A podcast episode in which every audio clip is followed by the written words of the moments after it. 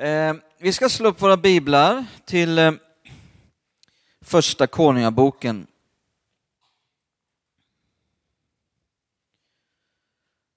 Och eh, jag har ett väldigt enkelt, härligt tema den här förmiddagen.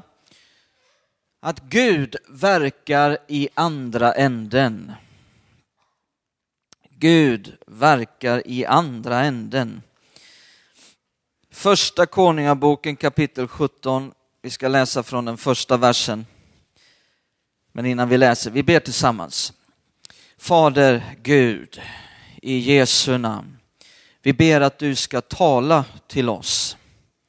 Att vi ska kunna få höra dina ord djupt i våra hjärtan.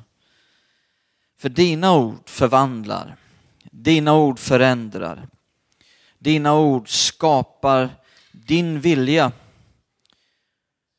Fader, vi öppnar våra hjärtan, vi vill lyssna in. Tack att din heligande är här. Tack för nåd, tack för kraft. Att kunna tala som jag bör. Tack för nåd och kraft att kunna lyssna som vi bör. Tack att du vill tala till varje människa personligt, på ett privat sätt, vad de behöver höra just nu, just idag, där de befinner sig. Amen. Första Konungaboken 17, från den första versen. Tisbiten Elia, inte isbiten, utan tisbiten Elia, som förut hade uppehållit sig i Gilead, sa till Ahab, så sant Herren Israels Gud lever, honom som jag tjänar, under de här åren ska varken dagg eller regn falla, om inte jag säger det. Och Herrens ord kom till honom, gå bort härifrån och bege dig österut och göm dig vid bäcken Kerit öster om Jordan. Du ska dricka ur bäcken och jag har befallt korparna att ge dig att äta där. Då gick han bort och gjorde som Herren hade befallt. Han gick till bäcken Kerit öster om Jordan och stannade där. Korparna kom till honom med bröd och kött på morgonen och med bröd och kött på aftonen. Och han drack ur bäcken. Men efter någon tid torkade bäcken ut därför att det inte regnade i landet. Gud vill få vara en far för varje människa. Han vill att du ska vara hans barn. Han har en oerhörd omsorg om dig. Han vill ta hand om dig. Han vill försörja dig. Han vill inte bara svara Eh, på din bön som möter ditt behov just nu, utan vad jag vill visa idag, det är att Gud vill dessutom verka i andra änden. Där du inte ser, där du inte vet. Eh, att Gud är en Gud som ser behoven längre ner längs vägen, in i framtiden. Och att där du inte ser, där du inte vet, där är Gud och ställer i ordning. Eh, så när du kommer dit så har han redan tagit hand om det. Jag vill visa idag att Gud är en Gud som verkar i andra änden. Eh, den här första rubriken som jag vill sätta det är att bäcken Kerit är inte vår försörjare. Gud verkar i andra änden, bäcken Kerit är inte vår försörjare. I berättelsen här va, så hade det ju slutat att regna i landet. Eh, det var en hungersnöd överallt. Folk svalt, eh, hade inte mat, och Lia hade heller ingenting att äta. Men Gud sa, gå till bäcken Kerit. Där ska du dricka vatten ur bäcken. Och, och korparna, de har jag befallt att de ska flyga in med bröd och kött. Ehm, och det här hade Elia aldrig hört talas om. Ibland när Gud möter våra behov och försörjer oss så kan det ske med överraskande metoder. Ibland till och med chockerande metoder. Jag menar, det är en sak när vi matar fåglarna. Det är en annan sak när fåglarna matar oss. Och det var inte bara ett par dagar, det var inte bara en vecka som Elia fick uppleva det här, utan det var en längre tid, troligtvis ett helt år. Alltså man kan ju tycka synd om de här korparna. Jag har lite empati för de här korparna. De fick ju flyga livet ur sig. De flög in med mat på morgonen, de flög in med mat på kvällen. Och jag menar, de kanske börjar tänka, ska den här profeten aldrig ge sig av snart? Det var väldigt fantastiskt det här som Elia fick vara med om. Men eh, Elia, han hade inga problem med Guds metoder. Eh, han hade han hade det faktiskt bättre eh, om du skulle gå fram ett kapitel, vi gör inte det nu, va? men eh, där fanns det en som hette Obadja. Obadja han tog hand om Herrens profeter som var utsatta och gömde dem i en grotta. Och då står det att de fick bröd och vatten. Men Elia han fick inte bara bröd och vatten, han fick bröd, kött och vatten. Han fick hela hamburgaren. Så när Gud försörjer, när det inte bara är en människa som förser, då blir det alltid bättre, även om det är ovanliga metoder. Men så efter en tid så sinade vattnet, läste vi här. Bäcken Kerit torkade ut, står det i den sjunde versen. Det som Gud hade gett till Elia för att ge honom det han behövde, det tog slut. Vad hade hänt? Hade Gud abdikerat? Var det Gud som hade trillat av tronen? Nej, men här hände det som kan hända också för dig. Att det som Gud gav dig, som skulle förse dig med det som du behövde, tog slut. Kanske att det var ett jobb som eh, Gud faktiskt hade gett dig men jobbet tog slut. Kanske det var någonting annat som Gud hade gett dig eh, som eh, skulle förse dig med vad du behövde, men det tog slut. Och när det sker i våra liv så får vi aldrig eh, få för oss att det är det som vi ska ha vår förtröstan på. Eh, vi får aldrig ha vår förtröstan på det som Gud ger för det kan ta slut. När det tar slut, det som Gud faktiskt hade gett dig, som skulle förse dig med det som du behövde, när det tar slut, eh, så betyder inte det att Gud har slutat att ta hand om dig. Det är aldrig bäcken Kerit som är vår försörjare. Det är Gud som är vår försörjare. Och om bäcken Kerit tar slut, ja då har Gud en annan plan, då har han en annan lösning. Är du med mig? Det är så viktigt vem vi riktar vårt hjärta till, vem vi ser till vad det gäller försörjning av våra behov. Det får bara vara Gud och ingenting och ingen annan. Om vi ska få uppleva Guds övernaturliga, underbara försörjning. Vad hade då Gud för plan? Jag tittar här i vers 8. Vi läser vers 8 till 11. Då kom Herrens ord till Elia. Han sa, stig upp och gå till Sarefat som hör till Sidon och stanna där. Se, jag har befallt en änka där att ge dig att äta. Han steg upp och gick till Sarefat när han kom till stadsporten fick han där se en änka som samlade ved. Då ropade han till henne, hämta lite vatten åt mig i kärlet så att jag får dricka. När hon gick för att hämta det ropade han efter henne, tag också med dig en bit bröd åt mig. Nu ska vi inte läsa hela berättelsen här för att vi vill inte ta, eh, det finns mycket att se här vidare i berättelsen, utan vi nöjer oss så här långt. Eh, så vad händer här då? Jo, eh, Elia han ställer sig upp och så går han till Sarefat. Eh, men lägg märke till här att Gud hade inte sagt till Elia vad änkan hette. Gud hade inte sagt till Elia vad änkan hade för adress. Han hade bara sagt att en änka i Sarefat ska ta hand om dig. Hur skulle han kunna hitta änkan?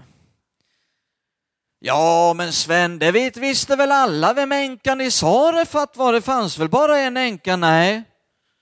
Jesus sa att på den tiden fanns det många änkor i Israel.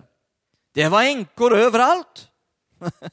Så som de krigade och höll på, va? Så de dog ju som överallt, männen var, så var ju änkor överallt. Så hur skulle han kunna hitta änkan i Sarefat? Eh, men när Elia kommer till stadsporten i Sarefat, gissa vem som är där? Änkan. Som av en konstig anledning, som av en ren tillfällighet, så bara råkar hon vara vid stadsporten i Sarefat. Därför att Gud verkar i den andra änden. Gud var i den ena änden och verkade vid bäcken Kerit och sa till Elia, stå upp och gå till Sarefat. Samtidigt är Gud i Sarefat och lägger en maning på änkans hjärta att gå till stadsporten. Så när Elia kommer dit så är änkan där. Gud verkar i andra änden, där du inte ser, där du inte vet om det. Men när du kommer dit så finns det där som Gud sedan lång tid har berett för dig. Halleluja! Är det inte en god Gud som vi tjänar? Han inte bara ser ditt behov du har just nu, han ser ett behov långt in i din framtid och redan nu är han och verkar i andra änden och ställer saker i ordning. Så när du kommer dit så är det redan omhändertaget. Gud verkar i andra änden.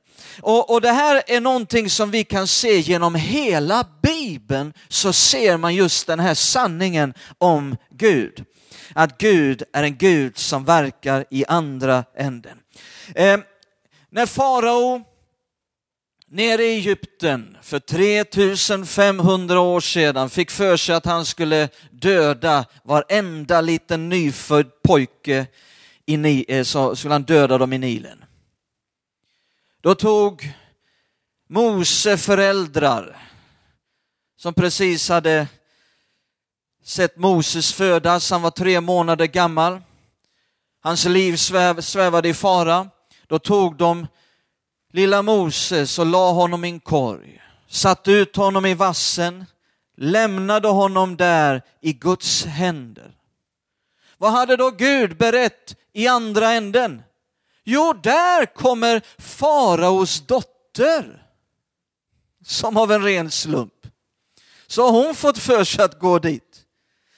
Eh, och hon tar hand om lilla Moses och uppfostrar honom och han får bo i palatset hos farao.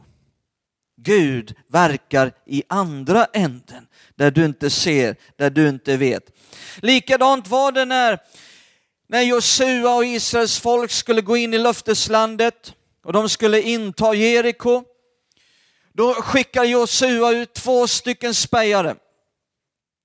Och när de här två spejarna skulle bespeja Jeriko, kommer ni ihåg det? Hur deras liv började sväva i fara och de kom i dödsfara och de var tvungna att söka beskydd. Då fick de uppleva att Gud hade redan verkat i den andra änden och skapat ett beskydd som de kunde bara gå in i. Vad var det för ett beskydd som Gud hade ordnat med? En hora. Skökan Rahab. När Gud inte kan använda de mer välrespekterade samhällsmedborgarna, när Gud inte kan använda chefer och direktörer och ministrar och andra välsituerade människor, så använder Gud en hora. Ja, Gud är inte begränsad. Det här kommer nu min andra punkt. Gud verkar i den andra änden. Gud är inte begränsad. vet, Gud, han eh, är inte beroende av kostymer och slipsar för att hjälpa dig. Han kan plocka någon från gatan för att hjälpa dig. En del människor är ju för religiösa för att bli välsignade av Gud. Om detta händer för dig, börja inte klaga på Gud. Om Gud väljer sådana här metoder som kan vara överraskande och chockerande. Det kan vara korpar som flyger in, det kan vara en faraos dotter, men ibland kan det till och med vara en hora som dyker upp i Bibeln. Är inte det fantastiskt? Ja, vad gjorde spejarna? Klagade de? Nej, det här hade vi inte tänkt oss. En sån här typ av hjälp kan vi inte gå med på. Nej, de sa tack Gud att du har tagit hand om oss. Tack att du har gett oss beskydd. Och Gud hade ju också ett hjärta för skökan Rahab. Och så fick hennes liv bli förvandlat och hon fick bli en hjältinna i Bibeln. Halleluja. Likadant var det med änkan i Sarefat. Gud hade ju änkan på sitt hjärta också. Eh, så vi ser att Gud är en Gud som verkar i andra änden. Där du inte ser, där du inte vet, där ställer Gud saker i ordning. Så när du har ett behov, plötsligt så får du upptäcka Gud var där långt innan du kom dit. Gud är en Gud som verkar i andra änden. Min tredje punkt är Gud förser. Vi såg förut, det är inte bäcken Kerit som är vår försörjare, det är Gud som förser. Vi ska läsa i första Mosebok kapitel 22. Första Mosebok kapitel 22.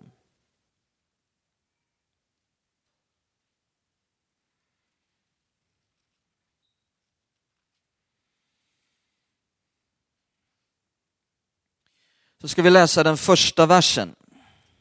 Första Mosebok 22 och vers 1.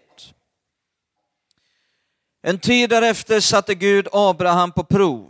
Han sa till honom, Abraham, han svarade, ja, här är jag. Då sa han, ta din son Isak, din enda son, som du älskar och gå till Moria land och offra honom där som brännoffer på ett berg som jag ska visa dig.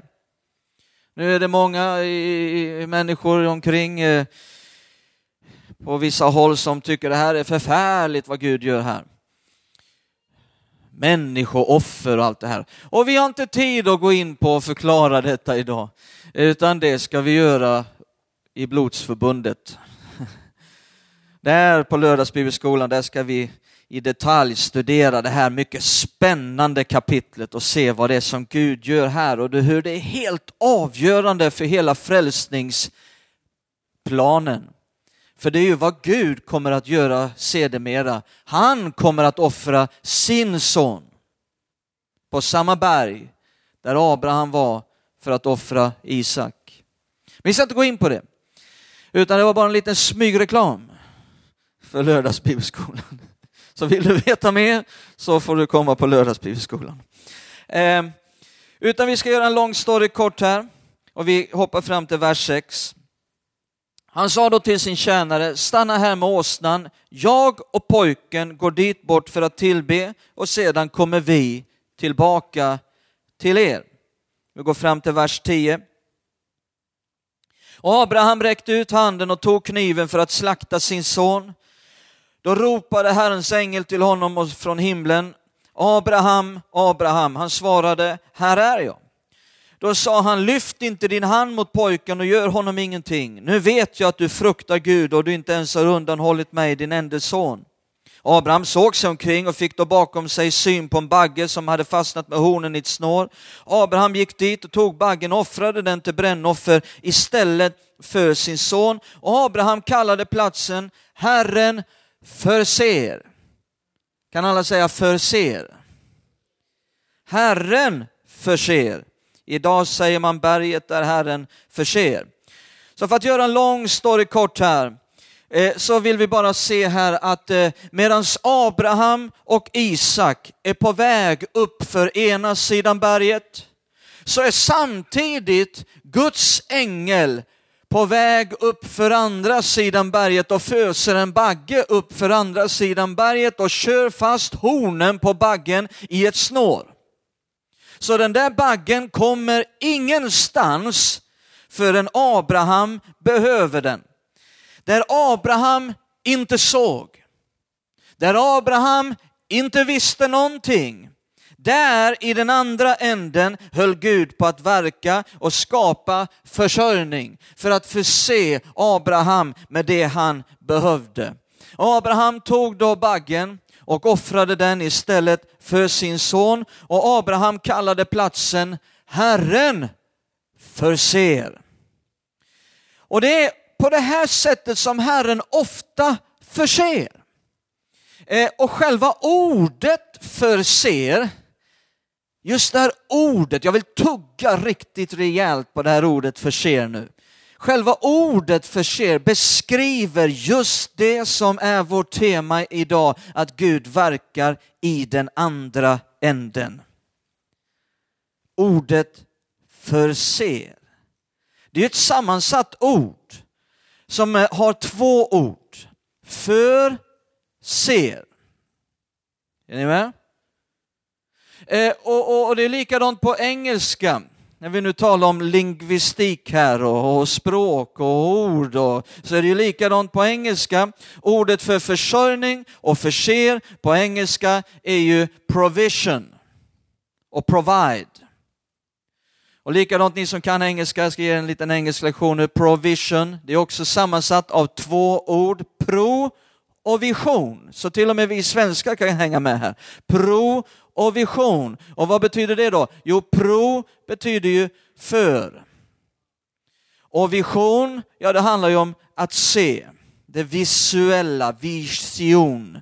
Eh, man ser något. Så vad betyder då det här ordet för?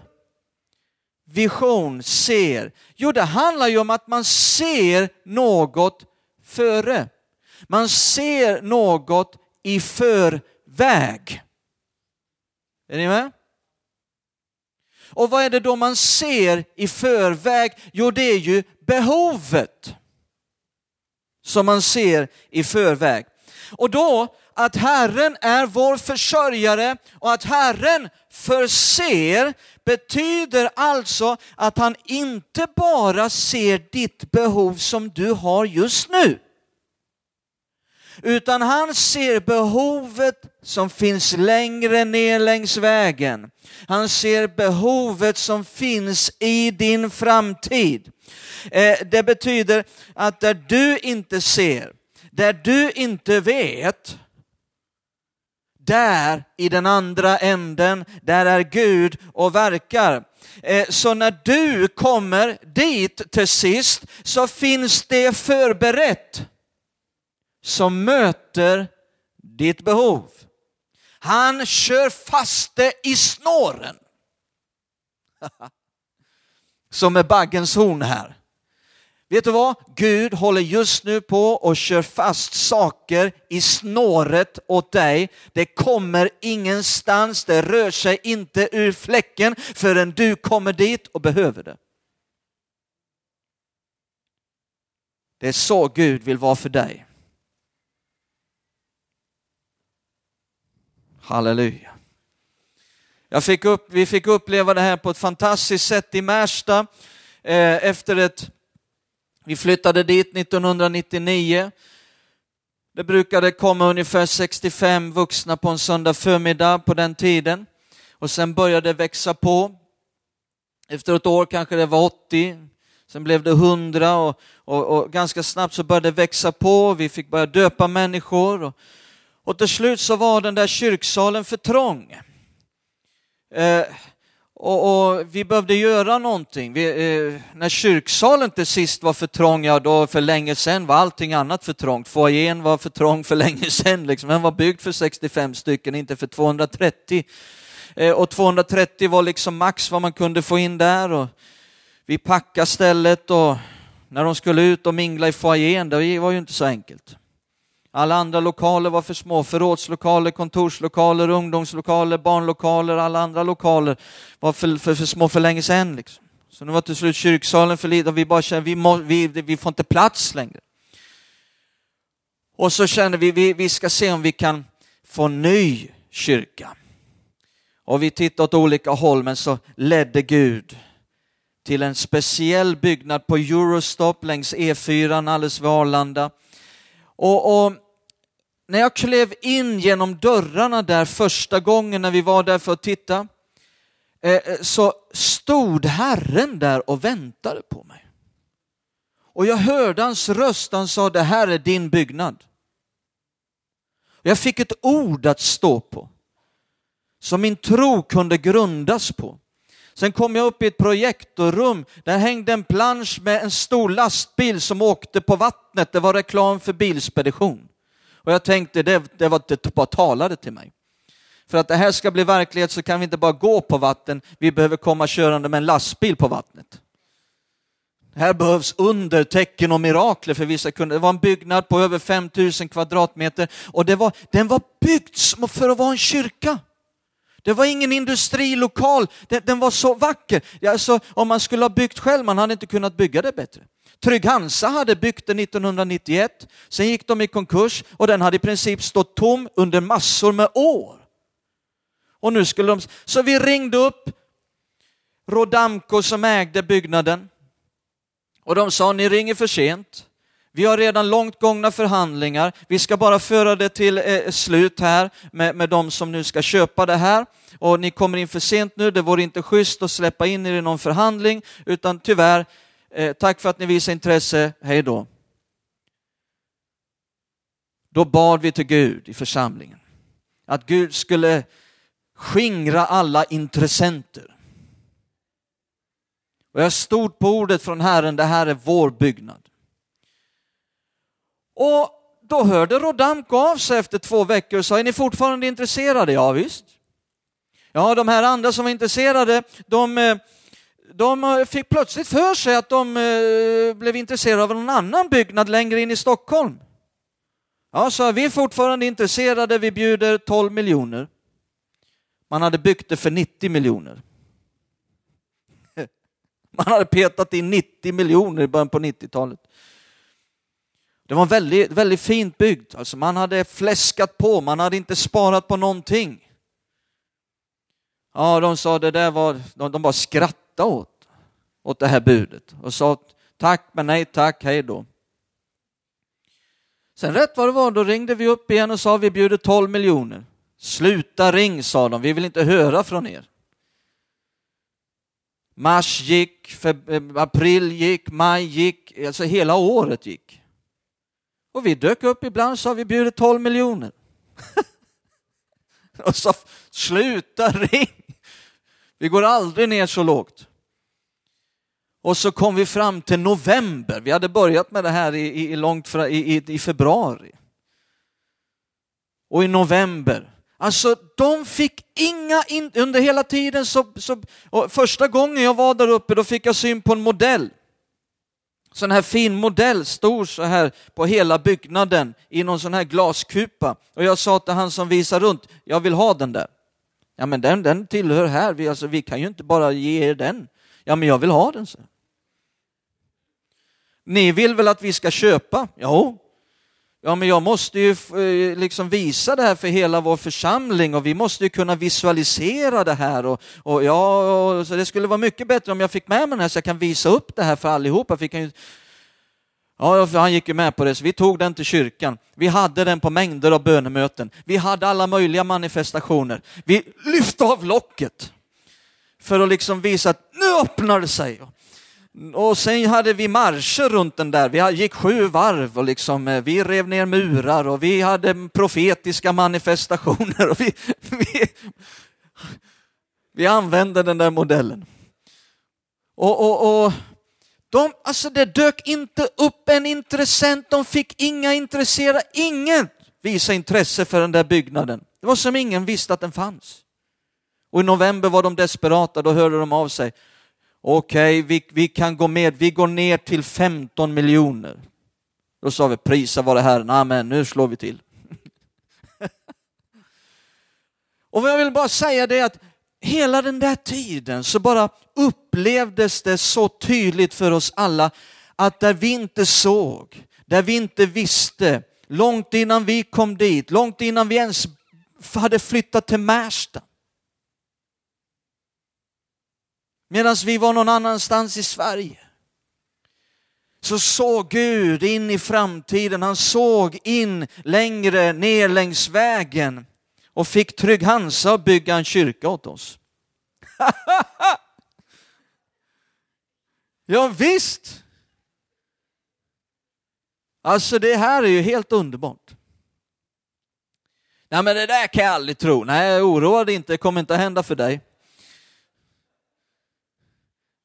Men om vi kan tro det, om vi kan börja tacka Gud för det, att han är sådan, då kommer vi att få börja uppleva fantastiska saker som står och väntar på oss i framtiden. Amen. Eh, vi har ett ord i svenskan som liknar engelskans ord provision. Och det är proviantera. Vi ser det här på bilden, de ska ut på någon expedition här. Proviantera, det kommer från samma rotord som engelskans provision. Är ordet proviant och proviantera, vad är det att proviantera? Ja, om du ska ut på en fjällvandring, eller du ska eh, ut på någon eh, läger, eller du ska ut på någon bergsklättring i Mount Everest, eller vad det kan vara, eh, så behöver du proviantera, eller hur? Du bullar upp. Just nu så bara bullar du upp, men inte för att du behöver det nu, du bullar upp inför framtiden. Det är proviantera. Du ser ett behov som kommer att uppstå om en vecka. Vi har inte det behovet nu, men om en vecka så kommer vi att behöva det och det. Och så provianterar du. Det är precis detta som det betyder att Herren förser. Herren ser före och förser. Han förser behovet och förser. Halleluja. Så Gud vill proviantera i ditt liv just nu. Där du inte ser, där du inte vet, så bullar han upp inför framtiden. Ska vi stå upp tillsammans?